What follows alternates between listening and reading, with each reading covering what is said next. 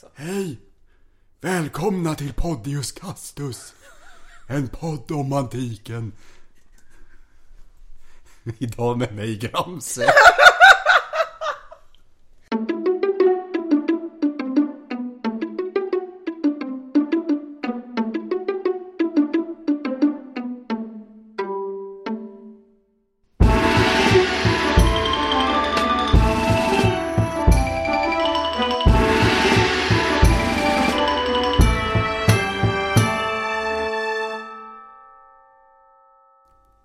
välkomna till Podius Castus, en podd om antiken. Vi som sitter här idag, det är jag Hanna. Jag Angelica. Och jag Adam. Och i det här avsnittet så ska vi prata mode igen. Ooh. Jag är inte alls, alls traumatiserad. Jag mår fortfarande dåligt. Men eh, trots det så har ni gått med på att dyka upp idag. Jag vet inte Jag har inte så varför. mycket val. Nej, precis. Någon av oss måste vara här. Alltså jag menar, jag var avsiktligt sjuk i två veckor. Ändå kom du inte undan. Nej, ni är ju hemma hos mig nu. Dessutom, Fan, ja, precis, hur hände det? det är oklart. Men, men nu är vi här. Och vi ska försöka ta oss igenom det här. Och den här gången ska vi prata om hur man klädde sig i antikens Rom. För förra gången så pratade vi om hur man klädde sig i antikens Grekland, eller de grekiska stadsstaterna. Jo.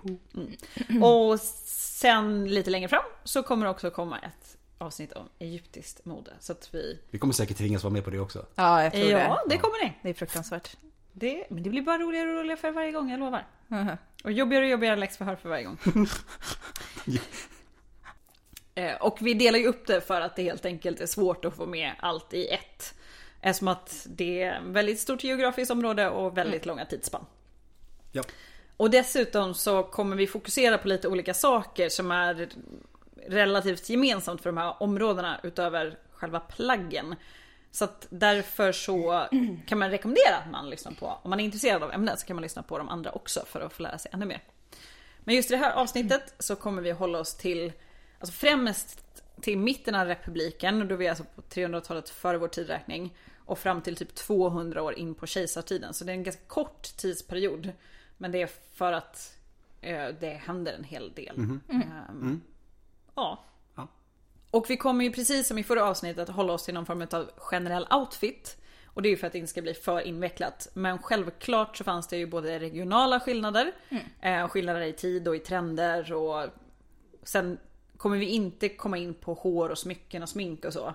Utan vi kommer verkligen försöka hålla oss till de textila delarna. Eh, för allt det andra får vi spara till någon annan gång. Ja, Helt enkelt. det blir jättebra. Och sen så lite källor också. Eh, De som har lyssnat på vårt avsnitt om grekiska kläder kommer ju känna igen källäget. Eh, Men för att sammanfatta det lite kort. Det arkeologiska materialet är väldigt begränsat. Även om det är lite bättre för romerskt mode än till exempel grekiskt. Och det beror ju på att eh, material som textil ofta försvinner. Ja, så det försvinner liksom. Det, det finns inte kvar. Eh, Det är det det betyder. Ja, precis. Sen har vi det ikonografiska materialet. Det är bredare men kan också vara snedrivet eftersom det ofta visar eh, någon i den personens eh, bästa dagar. Typ som filter på sociala medier. Sen har vi textmaterialet och det är ganska bra. Men det kan vara svårt att matcha mot faktiska plagg. Vi har två verk. Suetonius om olika typer av kläder och eh, Maicenas. Som mjölet. Sorry. Om hans egna stil. Sa jag det rätt? Maj- Majsenas, ja. det- Ja, ja, ja. Det är rätt. Det är, Ja. som, det är som mjölet. som Majse- mjölet. ja. Eh, om hans egna stil heter det. Och eh, eh, de här två verken känner vi till, men de finns inte bevarade. Vilket är frustrerande. Eh, Minst sagt. det finns ju väldigt mycket som man bara, okej vi vet att det här finns, eller har funnits, men det finns inte Bland det längre. värsta är ju typ Agrippinas egna, Ja. Agrippinas den egna texter om sitt liv. Ja, Ja. Men det här är också frustrerande. precis. Just nu är det här frustrerande för oss. Ja. Men kärleket är eh, trots allt hyfsat bra för romerskt mode. Både på grund av alla bevarade texter men också alltså, inte de vi inte har bevarat, men de vi har bevarade. Men också för att Rom sträckte sig så långt eh, och Egypten är torrt. Menar det eh, till exempel i dagens England och Tyskland är blött, anaerobt. Ja. Alltså textilier bevaras på de här platserna mycket Ja. bättre än på andra platser. Precis. Vi, vi går ju in på det lite mer i, Anaerobt och aerobt som sagt. Pratar Precis. Det, jo, det pratar vi om, just det. Det pratar vi om i i, första. i ja precis. Eller första, det källor. andra, det andra ska jag säga. Ja, källor generellt går vi in på lite mer Jo. i det andra avsnittet. Ska vi börja prata om kläder då? Mm, Ja, det kan vi väl göra. Vad ska vi prata om kläder? Ja men precis. Fast, ja. Även i det här avsnittet så kommer vi ta avstamp i vanliga kläder. Alltså sådana typ, ja, vardaglig utstyrsel. Precis. Och generellt sett så var romerska kläder lite mer distinkta sinsemellan än de grekiska. Och då pratar vi liksom mellan män och kvinnor. Och även Ehm. me- mellan plaggen sinsemellan. Ja, ja. Eh, Och eh, ibland också något mer konstruerade än vad de var i Grekland då. De grekiska kläderna var ju som ni som lyssnat på det andra avsnittet vet ofta kvadratiska eller rektangulära tygstycken som draperades eller fästes med hjälp av till exempel broscher. Ehm, Och relativt lite verkar ha sytts. Så man, ja, man jobbade med nålar istället. Precis. Ja. Jobbade live på plats. ja. Eh, I Rom då så vävde man oftare former direkt. Till exempel tunikor som man vävde som ett T. Eh, och Det var det för att det började på T. det var, man gjorde så enkelt. Precis. T- T- T-tröja, Ja, T-tröja. precis. Ehm, det, gjorde då att också mindre tyg gick till spillo. Ehm, Och att också du vet, stadkanten på ett tyg är alltid starkare än en foll. Ja. Och stadkanten är alltså där garnet Det är den vänder. som är åt det urbana. Sidan. Ja. Det är det. Där tråden vänder när man väver. Urbana modet. Ja. Ja. That joking going strong. Men om vi ska gå lite mer specifikt in på, vi börjar med kvinnorna. Vad de bar. Eh, Basplagget för kvinnor var en tunik och det här känner vi igen. Problemet är ju ofta att det är svårt att se detaljer på tunikorna i avbildningar. Eftersom att ärbara kvinnor oftast bar andra plagg ovanpå. Så man kan skymta en del av en tunika men det är ganska svårt att se liksom, hur den ska ha sett ut och sådär. Och det är ju ofta i avbildningar, alltså vasmålare eller på statyer som man ser kläder i detalj. Men troligen så var tunikan väldigt lik grekernas eh, kiton. Och det var ju då alltså en tunika som vanligtvis var konstruerad av två tygstycken. Som oftast var i linne. Och då sydde man ihop dem i sidorna och formade en tub. Och den som ska bära den här tuben kliver ner i den. Och så fäster man den längs med axlarna och armarna. Så om man tänker sig att personen står med armarna rakt ut så fäster man det. T-pose, precis. T-pose, precis. Åh, det är därifrån det kommer. T, T för tunika och så liksom T-pose. T för This is, my, this is my tunica pose. T-pose. Jag tror det. Ja, vi, minns säger det. det. vi säger det. Vi det, säger det. Här, ni hörde det här först. Fakta. Ja. Tunica pose. De här festerna satt ofta med så pass mycket mellanrum att det blir liksom en liten drapering. Så att de hänger alltså ner om man står med armarna rakt ut i sin T-pose. Och det råder lite debatt över om de här festerna med knappar eller om man helt enkelt liksom tog en bit tyg som man liksom drog ihop och sydde ihop så att det bildar små bollar. Och det som talar för det här senare att man syr ihop, liksom snor ihop små, ser ut som små bollar liksom. Är ju att det blir en snyggare drapering. Du, får, du får till draperingen. Och att man på väldigt många avbildningsstatyer så, så sticker det ut, man ser att det sticker ut. På ett sätt som ser ut som små knutar. Och sen vill man ju ha någon mer form på den här tuben. Och för att få till den och få till pseudoärmar av sin tunika så använder man olika former av bälten som knöts ihop och något högre upp än den naturliga midjan. Och den naturliga midjan är ungefär där axeln, förlåt inte axeln men armbågen hamnar om du släpper ner din arm. Så lite ovanför Om man inte, om man inte har väldigt låga axlar. Ja precis. I det här fallet så är naturliga midjan där armbågen faller lite ovanför naveln alltså. Men det knöts lite högre upp. Jag tänker så här, naturliga midjan strax ovanför bröstet. Precis. Ja, Där naveln sitter. Ja. Det förklarar hur vi ser ut. Ja. De här bältena som man bar var oftast utav tyg eller olika remmar. Och så fanns det en annan typ av tunika och det var helt enkelt en mer kortärmad tunika som var sydd eller vävd längs med axlarna. Så att den är väldigt lik den tunikan som vi kommer att prata om som männen var. Men helt enkelt sydd och inte ihopsatt med olika punkter över axlarna. Men såklart lite längre än männens. Över den här tunikan, vi har redan sagt att de hade någonting över. Så vad hade de över? Ja. Eh, kvinnorna bar en så kallad, en så kallad mantel. så kallad kom lite snabbt där. Eh, kvinnorna bar en mantel. Eh, så kallad palla, vilket är den feminina formen av pallium. Det var en rektangulär mantel som bars över axlarna och gick ner till knäna. Och ibland var den till och med eh, till fotsidan. På avbildningar så kan man se att den här manteln oftast hade väldigt mycket volym. Och eh, den fästes aldrig. Så det var ett plagg för dem som hade råd. Liksom det var mycket, mycket tyg. Eh, och tyg var dyrt. Och man måste hålla fast den. Ja. Så man måste ha fritid. Ja just det. Just, du, du kan inte jobba under tiden. Nej, då- nej. En hand går åt till att hålla upp plagget liksom. Precis. Det blir jobbigt annars. Eh, enligt flera antika författare skulle en romersk matrona aldrig visa sig ute i det publika utan en palla eller en ståla. Pallan kunde bäras över axlarna som en sjal. Den kunde draperas diagonalt som en tåga. Över huvudet som en slöja eller runt höfterna. Så den var väldigt så här versatile. Ja. Jag tycker ändå att höfterna är ganska häftigt för att det måste också vara sjukt opraktiskt. Ja. Och varmt. Men Ja. snyggt. ja. Den var vanligtvis gjord av ylle.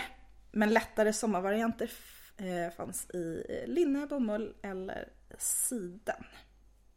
Stålan då? Det var en lång tubformad klänning som bars över en tunika. Ofta i ett tjockare material. Och den hängde från axlarna med axelband. Eh, Den var fotsida, alltså den hängde ner till fötterna. Berättade Hanna precis för mig att det betyder. Fotsida hela vägen ner. Japp, Ja. ja. Eh, Och den bars med ett bälte i midjan. Det var eh, som sagt som vi sa tidigare ett plagg för matronan tillsammans med en palla.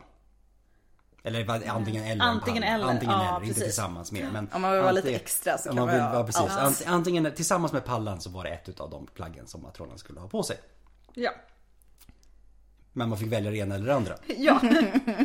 Det, ja, det verkar så. Ja. Eh, och det var ju liksom... Alltså, Krång, krångliga förklaringar med Adam fortsätter efter den här precis, vi återkommer till dem. Ja. Det var ju... Alltså, Du, du, du. det var ju alltså fruar till de romerska medborgarna som skulle bära det här plagget. För att det här, alltså stålan dyker upp och så är den jättepopulär en ganska kort period. För det verkar vara kejsare Augustus som är väldigt pepp på att återinföra traditionella romerska värderingar. Just det. Som man känner igen från andra personer som vill återinföra det där gamla. Make Rome great again! Ja, det typ den typen. Och han då verkar ha förespråkat stålan som ett plagg. Ja. För det finns betydligt färre exempel på den innan honom. Och sen används den flitigt och sen dör den ut. Så att det, den är liksom Verkar vara inte så använd. Så Så, att om man var en matrona under någon annan tid än typ Augustus var det mantel. så var det en palla man hade. Ja, precis. Med största sannolikhet. Men den här stålan liksom ja, premierades eller promotades under den här tiden och den dyker upp eh, som ett plagg man ska bära. Om man var en riktig ordentlig romersk kvinna.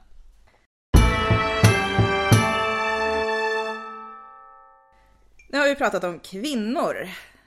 Då måste vi prata om män. Eller hur? Ja. Vi, ja, kan väl göra det. Vänd aldrig om när ni ser ett hinder. Nej, ja. Disney-timmen med Adam. Precis som grekerna bars en tunika. De är väldigt förtjusta i tunikor. Ofta en enkel variant eh, av två rektanglar ihopsida i sidan. Ibland en mer avancerad variant med vävda ärmar. Känns det igen? Ja. Tunikan var ofta ungefär vadlånga. Eh, och sedan sattes ett bälte i midjan Och tunikan drogs upp något så att längden blev eh, ner till knät istället. Så man får ett snyggt överhäng liksom. Ja men precis. Eller få plats med sin stora mage. Men det var kanske inte så många som lyckades få till den där. Jag tänker att de, de har liksom snygga vader. Ja det också. Vill visa upp det. Ja. Vävdes tunikan med ärmar krävdes en bred vävstol. Eh, alltså, man vävde liksom från en ärm till den andra. Och det blir ganska långt. Jag vet inte riktigt. Alltså, nu när jag har börjat virka och sticka så inser man hur långt det är. Ja, och man måste ju liksom Först väver man ärmen, sen måste du lägga upp mer så att du också Ja. får Det blir också långt åt andra hållet. Ja, det, blir precis. väldigt, ja, eller bredden då. Det är ju Ja. det som är, ja. Det är mycket. Stora vävstolar. Ja. Men om man inte hade en tillgång till en så stor vävstol så kunde man ju göra den i bitar. Ja. Eller vad man nu ska säga. Ja, Ja, i bitar. Ja, i bitar. Och sen sy ihop dem. Ja, precis. Om, om man vill ha dekoration på sin tunika eh, med till exempel border eh, så vävde man in dem direkt. Och de speciella lila ränder, två som liksom löpte parallellt med varandra och vertikalt. Från axlarna och ner till follen då, eh, som ofta prydde elitens tunikor. Det var en viktig statussymbol. De bredaste ränderna eh, kallas latus clavus. Eh, De fick bara bäras av senatorer. Och efter Augustus då, även av senatorers söner. De något smalare ränderna, eh, som kallas ang- Angustus clavus. Så breda ränder, breda ränder. Det är svårt att säga. Ja, precis. Eh, Latus clavus och smala ränder Angustus clavus. Eh, De fick bäras av riddarståndet. Så att där hade vi statusskillnad, eller skillnad i säga, ränder beroende på vilken status man hade. Eh, Och att ta på Latus clavus, det var lika med att bli senator. Medan att bli av med sina breda ränder var samma sak som att bli degraderad från sin status. Och sen så att ta på latus clavus. Det, det är ett Det var metoo! Det är metoo. Det är inte bra. Nej, Nej, gör inte det. Ta inte på latus clavus. han, har, han har stått ut med tillräckligt. Och det här att ta på latus clavus eller bli av med sina breda ränder var ju såklart någon typ av ideal. För det finns arkeologiska fynd eh, och det finns det specifikt ett fynd från en gruva i Egypten där man har hittat väldigt många tunikor. Och sammanlagt på de här olika tunikorna finns det då 240 ränder. Så det kan vara flera ränder på en tunika. Och då har man gjort en studie på de ränderna. Vilket är ju fantastiskt. Så här, nu ska jag forskningsstudie och studera ränder på tunikor. Om det är jättekul. Det är jätteroligt och det är jättebra när man vill ha sån här information. Ja. För det visar då att det finns alla möjliga olika bredder på de här ränderna. Eh, De smalaste är runt en centimeter och de bredaste upp till 7 centimeter. Och alla möjliga bredder användes och flera av de här ränderna var dessutom lila. Men eftersom att de här hittade en gruva, det är ju inga senatorer som har varit arbetat i en gruva. Det här är ju liksom arbete. Eller? Probably not. Nej. Jag tror det är ganska rimligt antagande. eh, så att det visar ju på att även om det fanns ett ideal som skulle visa på status så är det klart att alla vill se ut som de rikaste och mäktigaste personerna. Ja. Och utöver lila så fanns det också andra färger som förekom. Det var eh, blåa ränder, röda ränder, gröna, bruna och flerfärgade också i de här tunikorna. Eh, Så att troligen så var ju de flesta tunikor som bars prydda med någon typ av ränder. Eh, Det verkar som vara ett ganska rimligt antagande. Tunikan skulle ju också ha ett bälte. Man kan inte bara ha en tunika, Nej. vi måste ha ett bälte. Läderbälte med spännen i metall verkar vara eh, främst för eh, militär. Och vissa typer av de här bältena var strikt reserverade just för militären. För överklassen var det inte okej att visa sig ute utan ett bälte om det inte handlade om eh, en begravning eller i ett rättsfall. Då man var liksom ja, emotionellt eh, berörd. Liksom. Det, här, det, här, det här är en situation där jag kan ta på mig mitt bälte, jag mår inte bra. komma till rättssalen och hålla uppe byxorna liksom. Ja, men precis. Motsvarigheten. Det här, är, det här är så hemskt, jag kan inte kamma mitt hår. Nej, men man, man, ja. man orkar inte bry sig om sitt utseende för det är, det är för emotionellt liksom. Eller Men- man förväntas vara så emotionellt påverkad att man Ja, inte ska jo. orkas. eh, Precis. ja. För sig. Eh, men ja, annars så skulle man ha ett bälte. Och eh, Augustus, som vi redan har pratat om. Det är Hans, mycket Augustus i det här Ja men han, är, han la sig i. ja, han hade åsikter. Ja. Han ska även ha straffat ett gäng centurioner genom att låta dem stå i timmar utanför generalens tält i tunikor men utan bälten. Fick de stå där och skämmas. Ja, det fick de. Ja. Om man inte tillhörde det militära så var det troligt att man istället eh, hade bälten av snören eller rep eh, som inte hade metallspännen. va? Och tillhörde man de lägre klasserna så verkar man inte ha burit bälte. Nej. Nej. Manteln då, pallium. Det var, det vi pratade om palla förut. det var ju då den feminina varianten av en, ett pallium. Och nu kommer vi till Nu pallium. kommer vi till pallium. Eh, och det var liksom grekernas hemation fast i den romerska världen. Ja. Så har man lyssnat på första avsnittet, eller förra avsnittet om grekiska kläder så vet man vad en hemation är. Eh, och om man säger så här, pall- plagget ansågs fortfarande vara grekiskt. Även fast det är liksom i den romerska kontexten. Liksom. Den, I och med liksom det att den draperades runt kroppen. Eh, den, den var okej att bära för filosofer, för läkare, lärare och så vidare. Eh, som i och för sig, som ofta ändå var från den grekiska världen. Precis, Så ja. att, ja. Eh, men det ansågs inte lika passande om man kunde bära en tåga. Alltså om man var typ romersk medborgare och hade kunnat ha på sig en tåga. Så borde man då sig skulle man ha på sig en tåga Ja. istället för en pallium. Men sen var ju också, alltså, vi kommer komma till frågan, men den är ju ganska otymplig. Jo. Och en pallium var ju mycket, mycket enklare. Så, Så, ja, precis. antagligen bar folk pallium även om de Såklart. inte var Jo. Läkare eller filosofer. Jo. Men det var lite så här, mm, Och det var bara egentligen de som redan hade på sig sin tåga som säkert såg ner på dem och tänkte Ja, Kolla den där lata, precis. lata bonen Ja, som men typ. inte orkar dra på sig sin tåga. nej. Nej, tunika och pallium herregud i så fall. Ja, alla gånger. Varje dag.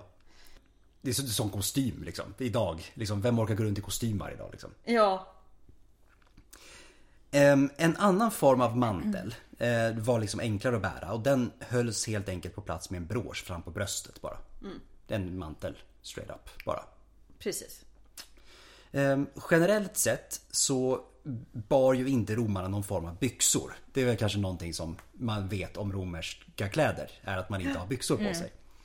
Det var barbarerna som hade byxor på sig. Ja. Och det går ju även att se ganska rätt i typ ikonografi till exempel. Om det är någon som har byxor på sig då är de en barbar. Ja. Ja. Och har de- Asterix och Obelix. Ja men precis. Och jag tänkte precis. Och har, har personen med byxor också en frygisk mössa? Alltså en sån där mössa som liksom putar fram. Alltså, tänk smurfarna. En Ja. smurfmössa. Ja. Eh, då är de från östern. Och har de inte det då är de från västern. Typ om de har långt hår och skägg då är de från västern istället. Mm, Liksom. Ehm, så ja, det, Men kläder är ju ganska bra att kunna just för att Det- man kan identifiera var folk kommer ifrån. exakt. Men i kallare klimat, eller om man till exempel liksom var ute, i, ute och utsattes för vädret, typ om man var jägare eller jobbade ute på fältet. Då kunde man klä in benen i lindor. Eh, och antingen lindor typ bandage, Alltså typ som typ, bara ser ut. ja men precis. Ja. Eller tygbitar som hölls på plats med snören som man virade runt benen. Alltså så jobbigt att sätta på Så att, sig. eller hur? Varför inte bara dra på sig ett byxpar Ja men byxor precis, och bara- svälj stoltheten Ja, men och typ, liksom exakt. lös problemet. Nej. Nej, vi är romare, vi bär tåga. Ja. Vi ska stå här och frysa. Det är, ju, det är ju som när de ska envisas med sina nitade skor. Ja. Trots att det är typ så här, England är jätteopraktiskt. Och så finns det ju ett eh, slag, jag det, jag tror att det är i Jerusalem, där de romerska soldaterna förlorar för de halkar runt i allt blod och gegg på golvet. Så att de, de bara välter och då är det lätt att sticka. Ja. Ja. De har festat Ja. i sina kläder. Ja. Men nu har vi pratat liksom kläder ovanpå. Ska vi prata underkläder? Man ska alltid prata underkläder. Jajamensan. Eh, antagligen så bar varken kvinnor eller män något som vi kan kunna klassa som typ kalsonger eller trosor då.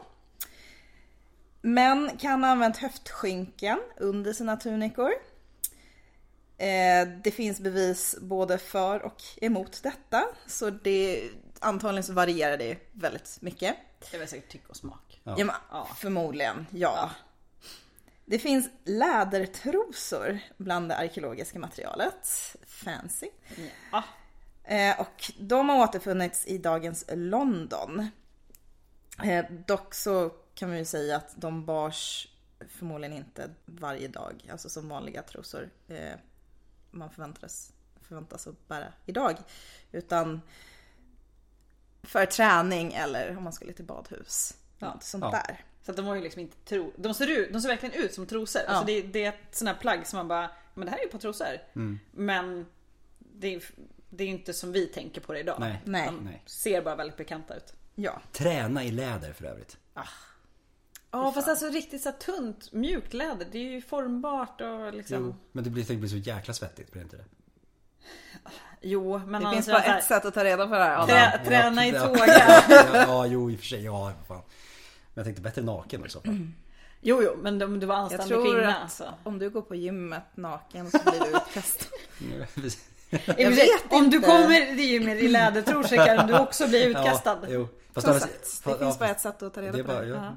Men de här- Experimentell arkeologi. De här är ju väldigt fin. Precis. För säga att det är det. Nej, nej, nej, när polisen kommer. Det är bara experimentell mm, arkeologi. Men de är väldigt tjusiga för de har så här utstansade mönster och så knöts de i sidan. Alltså de ser faktiskt supermoderna ut. Förutom Ja. att de är ja, arkeologiskt material så de är typ svarta. Men de är jätte, jättefina. Så det är värt att googla på. De har hittat ett par trosor i London. Ah. Eller i England. Mm. Men sen kan man ju också, det här har vi pratat om innan. Eh, tror jag i alla fall två tidigare avsnitt. Men bröstband. Mm. Eh, det är alltså långa tygremsor som man har för att linda runt brösten. Eh, både för att hålla behaget på plats. Eller försköna lite. Platta till om man har lite mycket. Eller lyfta upp om det är lite hängigt. Eller putta ut om det är lite stort. Eller smått menar jag, man vill ha mer. Men här har man faktiskt testat då experimentell arkeologi. För att få såna här band att sitta så måste man, och det ska liksom funka, så måste man vila dem ganska många varv runt kroppen. Det är uppemot sju varv för att det ska funka överhuvudtaget. Och då pratar vi om liksom lindor som är fem meter långa. Så Japp. att det är ganska... Ja, det, det, det, ska liksom, ganska, det går inte så, det är inte lika snabbt som en sport-bh. Nej. Nej. Alltså jag bara tänker, gud vad skönt att vi har de underkläder vi har idag. Ja, ja, överhuvudtaget de kläder vi har idag. Ah, uff. Eh, Ja, det är väldigt mycket som blir lättare med, med tiden. Det Ja, ja. det kan man säga. Eh, Även om vi sitter här eh, Barbarer. barbarer. Ja, ja, vi är väldigt barbariska idag. Fast ni sitter i alla fall med jeans, jag sitter med mjukisbyxor. Men du har ju förstått livets goda. Ja, jag har det. vi. Vi är också gäster hos dig. Så det,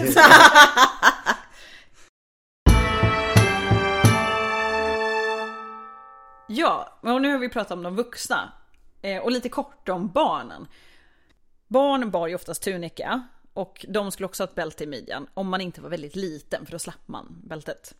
Och, men alltså, så generellt sett så är det liksom en miniatyrvariant utav vad föräldrarna hade. Ja, gulligt. så Ja. små, små vuxna som springer runt. Ja, precis. Och det är alltid jättegulligt. Fair enough, det är typ det barn är.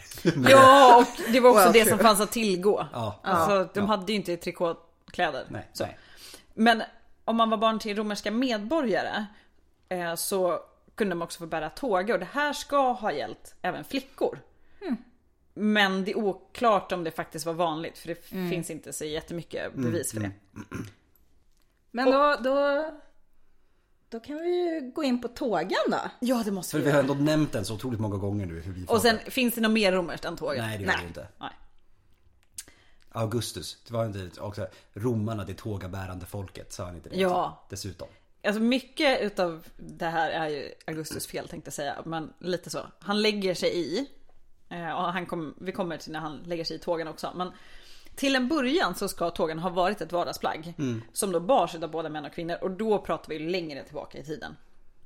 Eh, Och då bar man den utan en tunika. Men det här skiftar väl relativt snabbt och den bärs då alltså ovanpå en tunika. Tunikan var alltid ärmlös och den skulle också vara vit precis som själva tågen. Och den ska vara oblekt och vävt utav alltså vit ull för att bli naturligt vit. Och den ska nå ner till vaderna efter att man har dragit ihop den med bältet. Så den var alltså lite längre än den här andra tunikan som vi pratade om innan.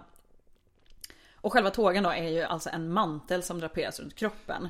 Och den ska heller inte fästas med brås eller någonting utan det här ska liksom draperas och hållas upp av en hand eller liknande. Jag tänker att de måste vara ganska starka. I alla fall ena armen. Ja. Som fick hålla upp tyget hela tiden. Fast å andra sidan om det liksom när den lutar mot så det är värre om man behöver liksom gå och bära handen rakt upp tänker jag. Ja, men jag tänker, ibland så är den ju typ över, över Ja. armen så här. Och då måste man ju liksom hålla upp armen. Om man någon gång har haft tunga yllekläder, men typ en vintagekappa eller något sen. Jag hade en, en 50-talskappa. Det var ju så när man tog av sig den så blev man ju så här 5 kilo lättare. Det kändes ju varje kväll. Man bara, oh, skönt. och det lär ju ha varit samma sak med tågen. Jag tänker lite på alltså, när man slutar med vinterskor. Ja, Man bara Ja men flyger. Ja, iväg. precis. Ja, men det är Jag- lite- ja, det men känns jättekonstigt. Det känns som att man Ja. är naken typ. Liksom, Ja. Ja. Till skillnad från de grekiska mantlarna så har tågarna alltid en svängd kant. Så om man lägger en tåga platt på golvet så tänker man så ska den se ut typ som ett versalt D. En rak kant och en mage. Yes. Typ. Och den här kanten, den här svängda kurvade kanten förstärktes ofta rent visuellt med en avvikande färg. Att den ska synas. Så att det är så man känner igen en tåga från en palj. Att den är Ja. rundad. Måtten då?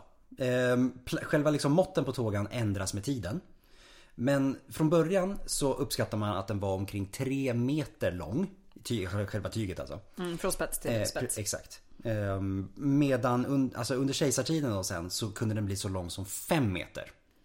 Med en bredd, alltså själva magen på det om vi tänker så. Eh, som var 2,5 meter. Så det är väldigt mycket tyg. Gud vad mycket tyg. Men det är fortfarande ganska mycket mindre än en sari. Men jag känner att det här är lite tyngre. Ja, den var ju ylle. Och eh, romarna anser att tågan är ett ytterst romerskt plagg. Vilket gör att de är annorlunda än andra kulturer. Mm. Tågabärande folket. Precis. Och tågan ska ju då vara vävt i ylle och i den här liksom naturliga vita tonen. Om det är korrekt. Och eh, för den som har lyssnat på avsnittet om grekisk mode så där pratar vi ganska mycket om det här med draperingar är ju viktigt. Och romarna är ju verkligen inne på det också. Och praktexemplet är ju tågan.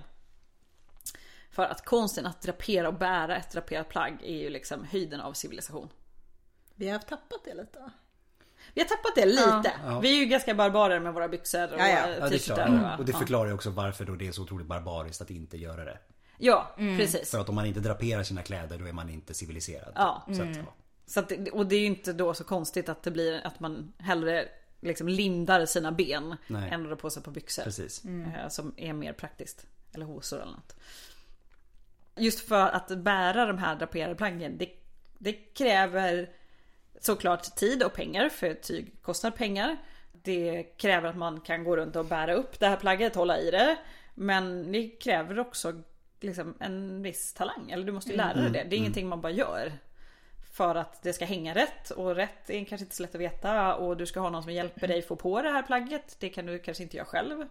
Så att, ja, lite mäckigt. Och så påverkar det kroppsspråket om du har en hand upptagen hela tiden.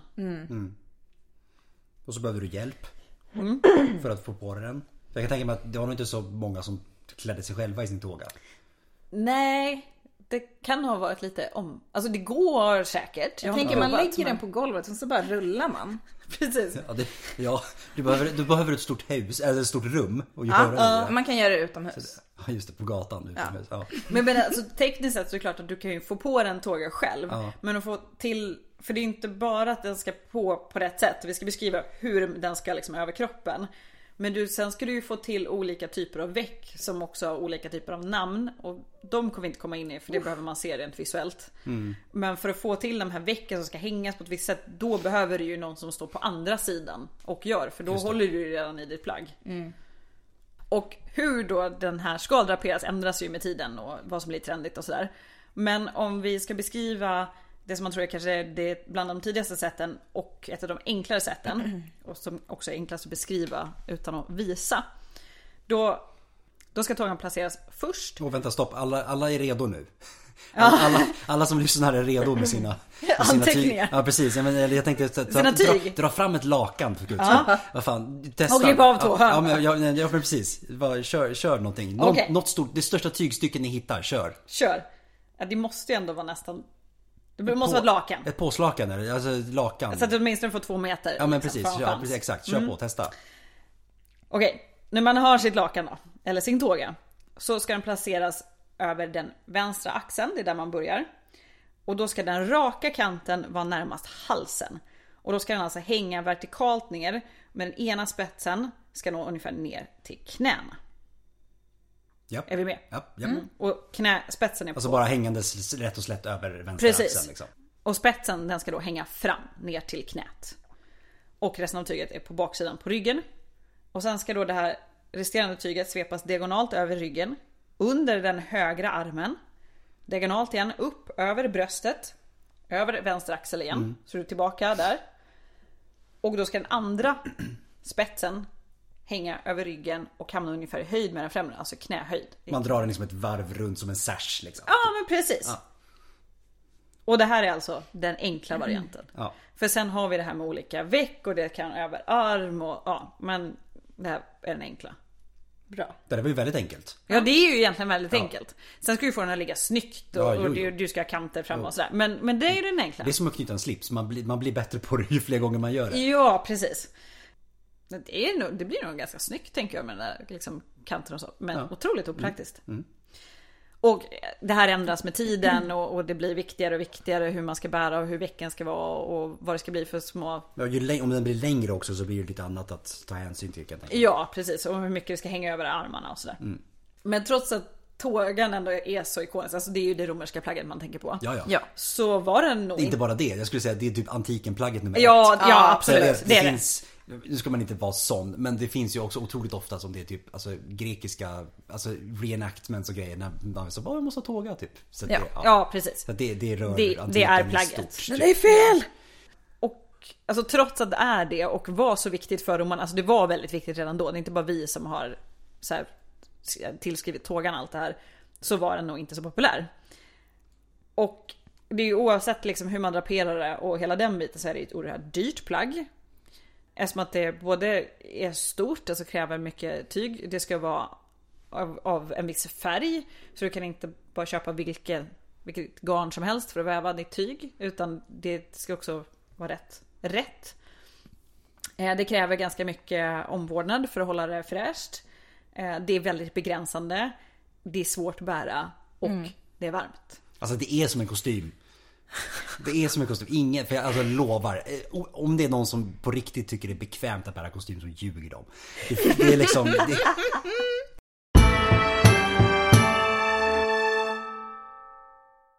Men det var också otroligt varm. Alltså det här är ju ett ylletyg. Ni har hört längden, men jag har också räknat ut många kvadratmeter ylletyg man går runt med. För det vet jag att alla vill veta. Och det är alltså drygt 9 kvadratmeter ylle. Som du har hängt över kroppen i massa varma veck en sommardag. Som en etta i Stockholm. Som en etta i Stockholm. Ovanpå en tunika ska också kostar tilläggas. ungefär lika mycket också. typ. Typ. Så att det var nog mest ett plagg som var, det var viktigt och det är klart man skulle använda det man på officiella tillställningar. Det var ju liksom bara acceptera att man ska ha det. Men det kanske inte var så fruktansvärt populärt. Nej. Men för att fortsätta på det då. Det finns vittnesmål som antyder att en av fördelarna med att lämna Rom, alltså åka ut på landet typ. Var att man kunde komma undan med att inte bära sin tåga. Ja, smart. Så att, ja. Eh, man gömmer sig ute på Ja. landet och ja, bara ligger och solar och har det härligt. Precis. Eh, men det var ju som alltså, det är en viktig statussymbol. Ja. För att den fick bara bäras av romerska medborgare.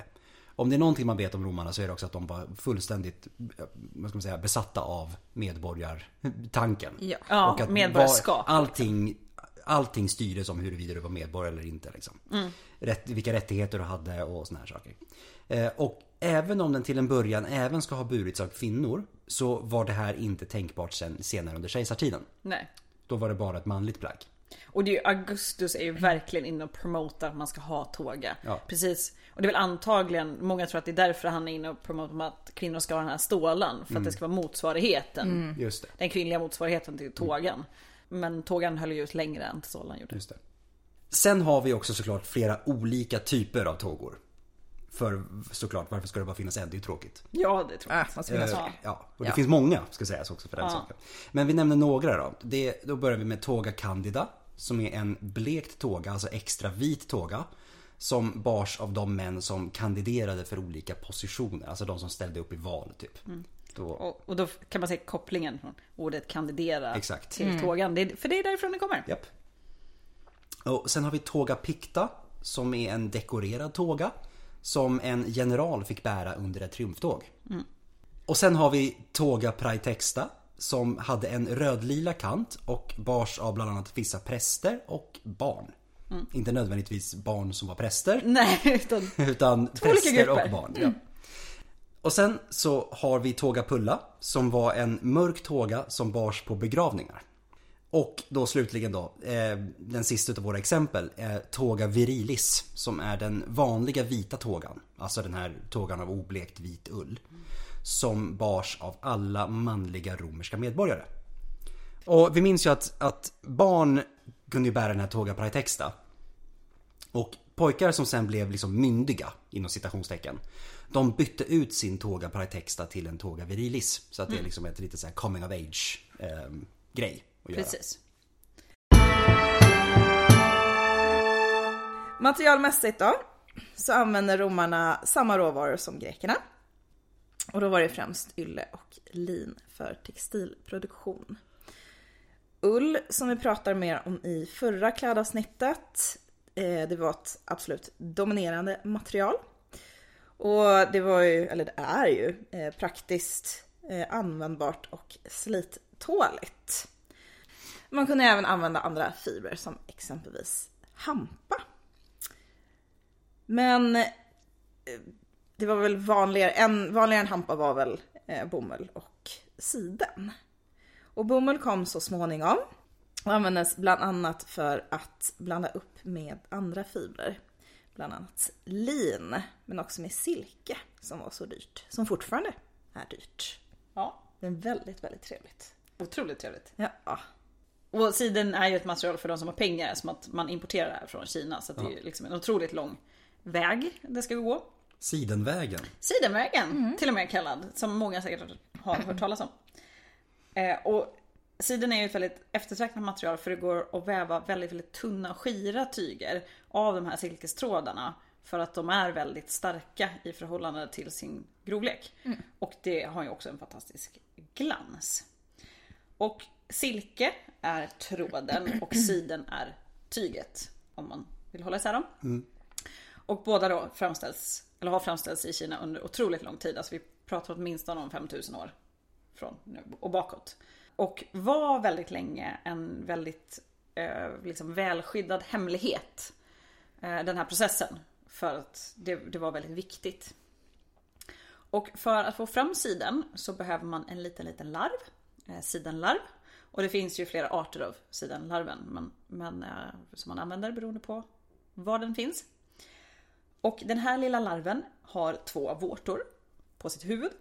Med den här tråden så ska ju larven skapa sig en puppa för den ska ju, precis som fjärilar eller annat, den ska förpuppas helt enkelt.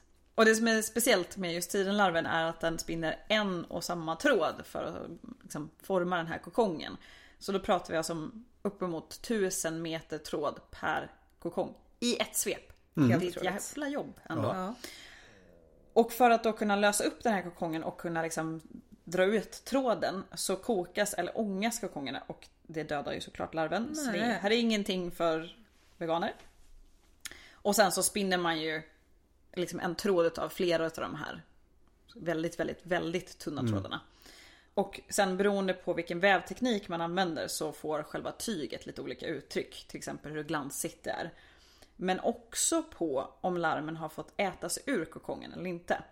Eh, för det finns då siden som, som ibland kallas liksom snällare för att larven får ätas ut. Och, och ångas inte, eller kokas inte ihjäl. Och när den gör det så blir det såklart liksom hål i den här kokongen och man får inte en obruten tråd. Och då blir oftast tyget sen lite klumpigare, det är små klumpar på det. Eh, brukar ofta kallas råsiden. Och i Kina så producerar man siden av både uppfödda larver, så man lärde sig ganska snabbt att liksom sköta de här. Eh, och så samlade man in vilda kokonger. Eh, så att det, det var lite olika. Eller vilda larver i kokonger. Nej, vilda kokonger. Precis. Och Aurelianus, han skriver, eh, och det skriver han på slutet av 200-talet efter vår tidräkning, att ett halvt kilo siden kostar ett halvt kilo guld. Alltså det är verkligen Wow. wow. värt sin vikt i guld. Och det beror väl kanske lite på vad det var för siden. Men, men det är otroligt, otroligt dyrbart. Och Sen- siden, är ganska lätt också.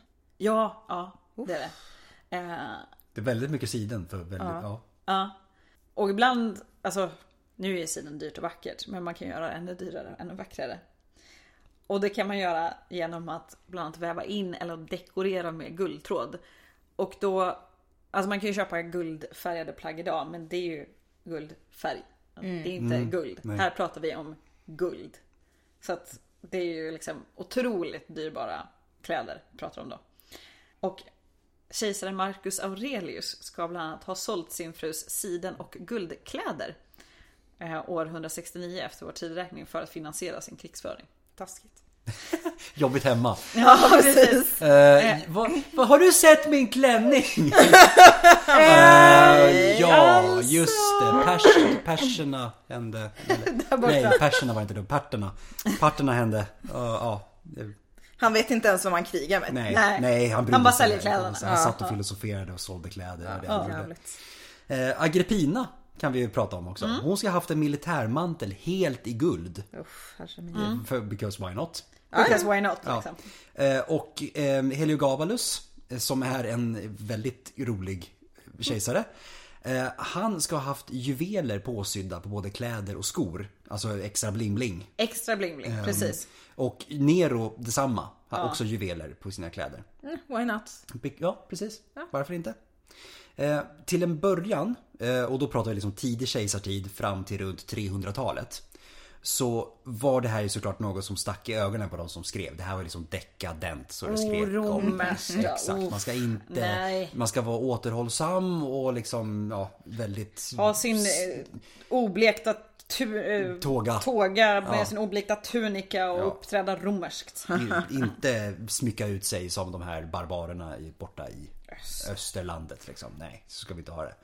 Ehm, så vi ska kanske ta det också med en liten nypa salt att de här liksom, just de impopulära personerna var de som också är- beskrivs som lite extravaganta. Ja. Eh, eller tvärtom om man säger liksom det. Att det såklart är Nero som inte är så omtyckt av de som skriver om honom och Heliogabalus som är ännu mindre omtyckt av de som skriver om honom och om honom såna här saker. Att de såklart också fick bära juveler Ja. på sina kläder. För även om, Ehm. om man då liksom plockar bort juvelerna och guldtrådarna så pratar vi om att alla de här kejsarna har ju otroligt dyrbara Ja, kläder. såklart. Så det är inte så att de, in, de andra inte var extravaganta. Nej. Eh, Det är bara att man vill göra de här lite värre. Liksom. Jo. För bara färgen gör ju kläderna otroligt dyrbara. Ja, just färger då. I en vind. I en vind och på kläder. Främst på kläder. eh, Just nu i alla fall. För romarna, precis som grekerna, gillade klara och starka färger. Och det här gäller ju även vitt, även om vitt inte är en färg. Eh, det är inte det! Sa Angelica med en suck. Men, men den ska vara klar. Ja, men precis. Okej, vi säger i det här scenariot, okej, vit är en färg. Eh, så de tyckte väl det. Och de allra flesta material som var tillgängliga, som bomull, lin och ull, de har ju en naturlig färg. Och då är det allt från benvita nyanser till mörkt bruna och svarta och alla gråa nyanser däremellan. Eh, som kan vara fint, men eh, det är ju inte precis, det är inte klara färger. Nej. Så att eh, få till klara färger eller lysande vitt, det var omständligt och därför eftertraktat. Och den dyraste färgen var ju såklart purpur. Det tror, det tror jag i och för sig många kanske känner till. För att det har ju varit en otroligt dyrbar färg. Under Ja. väldigt, väldigt lång tid. Precis. Och är reserverad för den absolut högsta eliten. Precis. Vad är det? eller- Snäckor eller? Ja, exakt. Purpursnäckor som bara kom från typ området. Det är som idag, dagens Libanon typ. Nästan all... Ehm, som, som vi varit inne på tidigare också så är ju romarna en väldigt nostalgisk syn på sin tillvaro. Eh, Man längtade alltid liksom tillbaka till eh, svunna tiders storhet på något sätt. Liksom. Ja. Eh, Oavsett när i tiden man befann sig. Där liksom männen var liksom strikta och stränga och liksom du vet, man hade patos och alltihopa. Och kvinnorna var blygsamma och ja, hela alltihopa. Eh, Så trots det här suget efter liksom de här klara, dyrbara färgerna så fanns det också alltid liksom en viss misstro mot för mycket lyx och för mycket som liksom ansågs icke-romerskt. Som, precis som juveler och allt det här så var det man skulle inte ha så mycket klara grälla färger. Det, nej, det ska vara återhållsamt. Väldigt liksom spartanskt.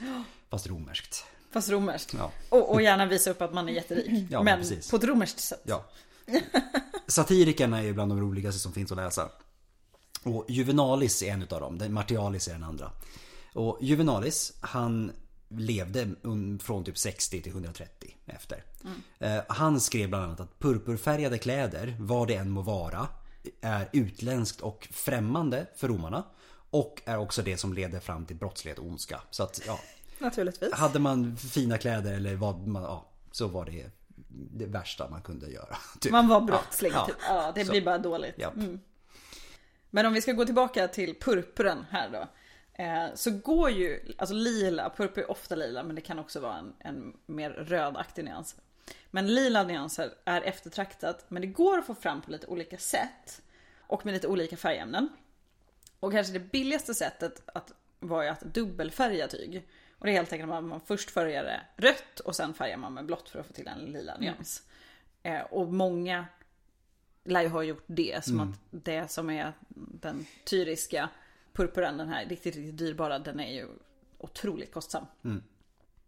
Och om man då pratar om de här lila och lila röda nyanserna så är det just purpur som är den mest romerska färgen jämte vit. För det var också det som skulle vara på tågen. Och purpur är ju en snäcka.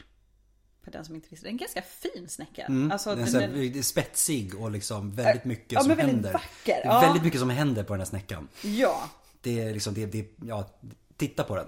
Ja men precis, googla för det, Ja. den är fin. Ja. Eh, Det finns ganska många fina såna här, eh, mycket mycket senare men, men så här, sena etsningar av Mm. de här snäckorna. De är jättevackra.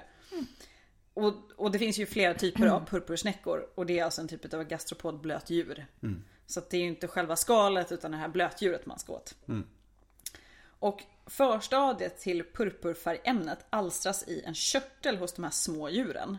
Och efter fångsten, man har liksom hovat in alla de här snäckorna, så används ett speciellt litet verktyg för att dra ut själva snigeln. Sådär. Ur det här skalet och sen skär man loss den här lilla, lilla körteln som innehåller det här eftertraktade sekretet. Alltså det är så pyttigt. Eftertraktat sekret var en liten... Oh. Ja. Ja, det, Ja. det var det. Ja. Men också otroligt billigt. Mm. Alltså, ja. Bara hur kom man på det här? Ja, det är precis det jag sitter och tänker, hur fan kom man på det här? Ja. Ja men för det, är- det är inte bara det du ska göra. Du ska inte bara liksom få upp den här och så få ut det här sekretet. För att sen få till färg. Då ska du liksom behandla det här, den här liksom körteln, det här sekretet. Ganska avancerade metoder. Och beroende på vilka metoder du använder och hur långt det är i vissa stadier så, blir det lite olika nyanser. Men det är inte så att du bara Oj, råkar trampa på en snäcka och det blir lila och då kom du på att du kunde färga. Det, processen att komma till den här kunskapen måste ju ha varit ganska lång. Och det krävs ofantliga mängder snäckor för att utvinna tillräckligt mycket färgämne. För de, och dessutom, alltså bara för att få tillräckligt mycket färgämne för att liksom kunna färga någonting. Men sen blev det ju en otroligt stor efterfrågan. Så att det var ju liksom massutrotning av de här snäckorna. Eh, och de eh, fiskades ju otroligt kraftigt. Och det tros ju att flera arter purpursnäckor har alltså utrotats under antiken. Det var, det var så pass liksom. De hann inte De hann inte föröka sig i Det var- takt. Det var purpursnäckorna och alla djur som hamnade på arenorna. Ja men typ. Lite så. Jobbigt om en en bestiarie skulle slåss mot en purpursnäcka. Ja, det var jättejobbigt. Gå Eh. fram med en klubba eller vad smack. Ja, Och det finns väldigt, väldigt mycket skrivet om både purpurhandeln och liksom färgningsprocesserna. Som finns bevarat som man kan läsa. Men trots det är inte själv, hela färgningsprocessen känd idag. Man vet inte riktigt hur de gjorde. Vilket är ganska spännande. Så, vilket har gjort att man har kallat det här en av de stora industrihemligheterna genom tiderna. Ja, För att man fortfarande inte liksom har lyckats helt återskapa. Man kan få fram färgämnen av, Ja. av de här snäckorna idag såklart. Men man vet inte exakt hur de gjorde. Eh, så att eh, det går fortfarande att hitta liksom berg av snäckskal i arkeolog, alltså när man gör utgrävningar. Ja. För att det var så ofantliga mäng- mängder som gick åt. Det är lite synd om det här stackars blötdjuret. Ja, verkligen. Själva processen eh, att färga då. Eh, nu har ju Hanna pratat lite om själva purpur och allt det där. Men eh, processen att färga med naturliga färger, oftast växter, ibland med insekter och snäckorna. Det är en process som sett ungefär likadant ut sedan, an- ja, sedan antiken till idag. Och eh, grundprinciperna är, är, är samma då. Så vissa växter har eh, naturligt förekommande färgämnen som går att eh, få att fästa på textilier. Ofta så behöver de förberedas på något sätt, till exempel att man torkar dem. Och vissa färgämnen som saffran fäster ganska bra och blir en, en stabil färg. Eh, alltså den tvättas inte ur så lätt och är ganska så här, ljustålig. Och till exempel granatäpple ger en bra gul färg. Och det fina med granatäpplet är att skalet som man använder har ganska naturligt höga halter av tanniner. Vilket gör att färger binder till materialet. För annars så, de flesta eh, färger behöver liksom ett, ett bindemedel. Idag pratar man om ett betmedel. För att färgerna ska fästa, bli klara och hållfasta. Vilket man oftast, jag tittar på väldigt mycket så här videos på TikTok med folk som gör sina egna akvarellfärger eh, av smink. Vilket de i princip, ja, tar det här sminket som pulver och sen så har de det här bindmedlet och sen så bara mojsar ihop det. Det är jättemysigt. Titta på det. Om man färgar textilier så kan, behöver man inte alltid mojsa ihop det. Utan det kan man beta tyget som det heter innan. Med till exempel eh, eh, idag använder man typ alun och sånt. Och sen så färgar man det för då fäster färgen. Annars så ser det jättefint ut och sen har man vatten på det och så rinner all färg av. Det blir tråkigt. Men sen har vi animaliska fibrer som till exempel ull. Det, består ju av protein vilket gör att det passar för, eh, för färgning. Eh, och detsamma gäller siden. Och där kan till och med ljushärdigheten, eh, vilket, alltså att färgen inte, inte bleknar då, vara bättre än på ull. Eh, Och, och växtfiber som bomull, det kan vara lite svårare att färga än animaliska fibrer. För att få riktigt klara färger då så måste man börja från en riktigt vit bas. Men det var ju inte alltid eh, möjligt att alltså, börja från det vitaste vita. Istället så kunde man ju använda materialets naturliga färg för att skapa nya färger. Till exempel om man ville få inte, grönt. För trots att växtvärlden är full av just grönt ger växterna inte den färgen. Utan för att få grönt så måste man överfärga, som vi sa tidigare, färga eh, gult över blått. Eller färga eh, gult på grå ull kanske. Då blir det ganska grön. Det säger jag som om jag har gjort det. Du, du vet det bättre. Ja, men det blir, det blir ja, typ lite ja, mer ja. så här olivgrönt liksom. Det är Eh, ofta. Men, men eh, det, det var ju ett sätt. För att färga blått har också ofta varit ganska dyrt att få. Ja. En, Blått är svårt också att få en bra stabil färg. Framförallt innan indigon kom in i bilden. Man kan använda vejde också. Men så att, att just färga gult på grått var ett bra sätt att få till gröna nyanser. Sen finns det en jätterolig historia om att kunna framställa syntetisk grön. Eh, Kelegrönt. Det var vi framme mycket, mycket senare. Slutet på 1700-talet tror jag, eller om det börjar på 1800-talet. Och då är det tror jag, massa, massa arsenik i. Så det är ju så in i helvete giftigt. Och det sägs att bland annat Napoleon älskade den här färgen. Så han hade tapeter av det. Och när han sen, alltså där han satt i husarrest sen när han dog. Så har man uppmätt höga halter utav arsenik i hans kropp. På grund utav Ja. antagligen tapeterna. Ja. Så, så jävla jättecool grön färg. Men Ja, alltså så den är giftigt. ganska lysande grön. Ja, Den extremt. är jättefin. Den är jättefin men oj vad giftig den var. Ja. Sidospår. Sidospår. Att färga textiler gick såklart att göra hemma. Men för att få till riktigt bra och klara färger krävdes yrkeskunnighet. Och många färgare var säkert lika hemlighetsfulla med sina recept under antiken som de var senare i historien. Ja, det var ju liksom en värdefull kunskap. Ens livelihood så Ja men säga. precis. Ja, det finns ju många bevis på långt senare i historien men där färgare skrev ner alltså sina recept i, i olika koder och i olika skiffer för att det var så otroligt viktigt att hålla den hemligheten. Jo. Eh, För annars var man ju utan levebröd. Och när vi ändå pratar om yrkeskategorier så ska vi också börja prata lite grann om hur man tar hand om sina kläder. För det var man såklart också tvungen att göra om man ville att de skulle hålla. Ja, Ehm, för att, okej, nu har liksom, vi har fått våra fina färgade tyger, eller våra fina färgade kläder beroende på vilken process av, av alltihopa vi, vi befinner oss i. Eh, för att kunna rengöra de här, antingen liksom typ om man ville rengöra sina kläder eller färdigställa sina textilier, färga, omfärga kläder. Då gick man till en alltså, fulones.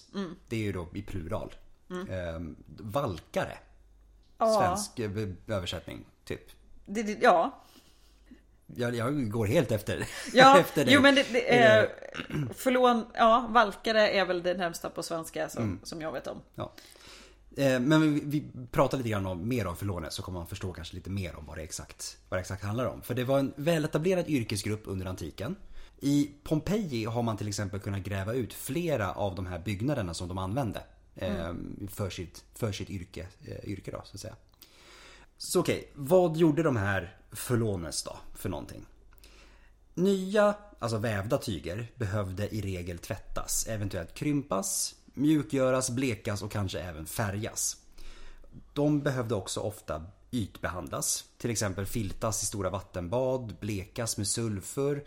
Alltså tyget spänns då över en ram och så bränner man sulfur under liksom. Ehm, tyget kam, kunde, alltså behövde kammas och pressas. Ehm, urin var ju någonting man använde i den här, som här processerna under behandling av textilier. Eh, Och den här proceduren kunde liksom upprepas allt eftersom när tygerna behöver rengöras och återfå sitt ursprungliga utseende. Till exempel ytterligare blekningar för att få behålla det vita eller att färga om för att få tillbaka lysten i färgen. Ehm, Och ville man göra det här så gick man ju då alltså till sin förlån, alltså till en, förlån, en av de här förlånes. Och För man kunde ju antagligen göra väldigt mycket eller det mesta hemma. Men i och med att det finns så mycket bevis för ganska stora liksom, både byggnader för Förlånes och att det var liksom en väletablerad yrkesgrupp. Och att till vissa av de här grejerna behövde man antagligen ganska mycket utrymme och material. Så gick nog de flesta som hade möjligheten direkt till Förlånes. Ja. Det var helt enkelt mycket enklare. För att du ska, annars ska du lägga din egen tid och kraft på det här och då kanske det var bättre att outsourca det. Jämför med dagens kemtvätt. Ja, Typ. Vi vet att Förlånes kunde släta ut tyger, till exempel linne som blir liksom lätt skrynkligt. Genom att fylla munnen med vatten och sen spraya ut det över tyget. Så att liksom en, tänk dig en, en strykjärn fast utan järnet. Ja, eller en blomspruta. Bara, med blomspruta är bra. det är perfekt Ja, det är knep på kläder. Just det. Möjligen användes även liksom flata och kanske varma stenar för att pressa tygerna. Det är väl strykjärnet ja, för övrigt. Mm, precis, ja. Ehm, Det finns textil och slash eller klädpressar avbildade. Vilket tyder på att tygerna kan ha pressats hos de här förlånes då. Men om det här gjordes med någon form av regelbundenhet eller i hemmet, det får vi låta vara osagt. För så mycket information har vi inte. Det verkar också ha funnits en generell distinktion mellan ytterkläder, då av ull, och innerkläder av linne. Både linne och ylle är bra material så tillvida att smutsen lägger sig utanpå fibern. Och det gör att det ofta räcker ganska långt att bara vädra dem. Det här med liksom att tvätta ett plagg efter en eller två användningar, det är väldigt nytt. Och väldigt icke-miljövänligt. Ja. Också. Ja. Yllekläderna då, de här ytter, ytterkläderna inom citationstecken. Eh, skötte man troligtvis genom borst, eh, borstning, valkning eh, och ibland även upprepad behandling för att behålla vitheten i vita plagg. Då. För de gulnade är ofta ganska lätt. Så man Vilket- kan behöva fär, färga om typ inom Precis, ja. Säga. ja. Eh, Eller bleka om. Ja, och precis. det gjorde nog också att de luktade ganska illa. Mm. För att, eh, ja. Ja. Både det lila purpurfärgen ska lukta typ död fisk.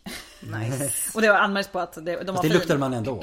Ja men precis, här, Folk var fina men de luktade äckligt. Ja. Eh, men också just det här Alltså få vita kläder kunde också göra att, att textilen luktade ganska Ja. illa. Ja, Ja.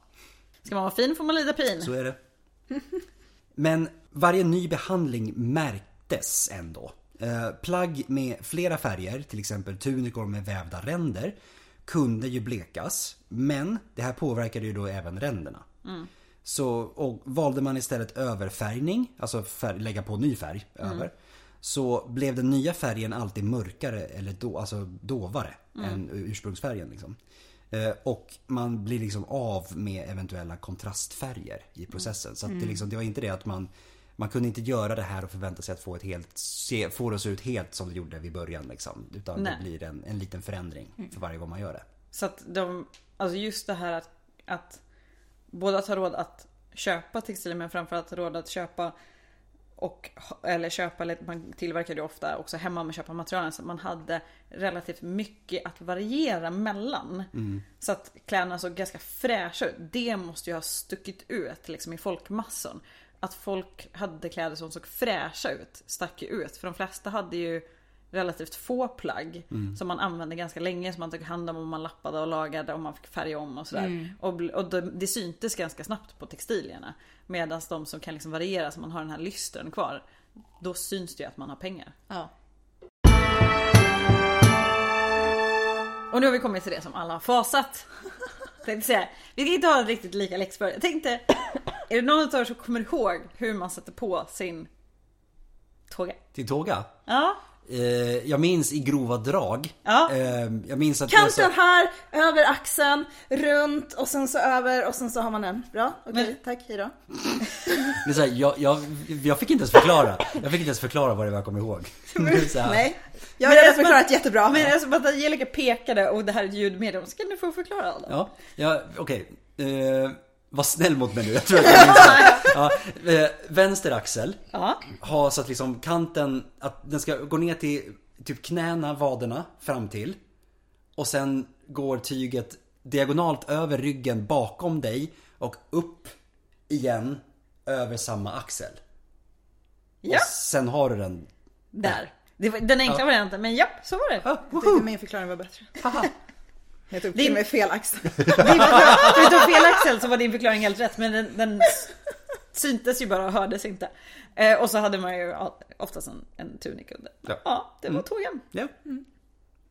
Och eh, då har vi väl täckt in eh, det romerska modet. Det var bara jag som fick det var jag som fick läxförhör. Nej men jag tänkte, ni var så chock, chockade och skärrade av läxförut så jag tänkte köra snällvarianten Ja, idag. det var ju en snäll, ja det var faktiskt en snäll variant. Ja, det var det Ja. faktiskt. Ja. Så det, tänk bara på nästa gång, då blir det väldigt mycket värre. Och nu har ni alla fått också lite repetition så om man vill eh, klä sig i tåga en gång. Så vet man precis hur man ska göra. Ska man någon gång gå till en fest och klä sig som någonting antikt, valfri liksom fest där temat är öppet.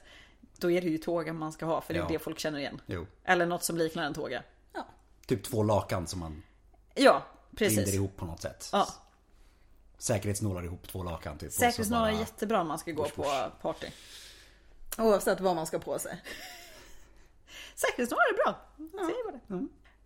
Men eh, med det sagt får vi väl tacka för oss. Det var Rom. Det var Rom. Det. Romarna. Romarnas Med sina, kläder. med sina tågor och tunikor och hat åt byxor och juveler.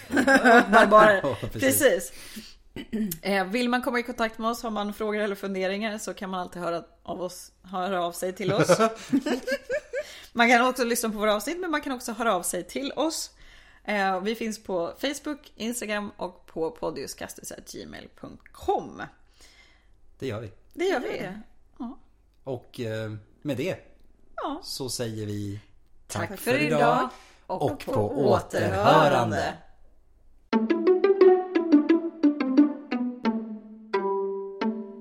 Eh, Och sen har vi Tåga Pulla som är en mörk tåga som bars på begravningar. En gång till! En gång till! Det är också den kombinationen med att pulla på begravningar. Det var liksom det som blev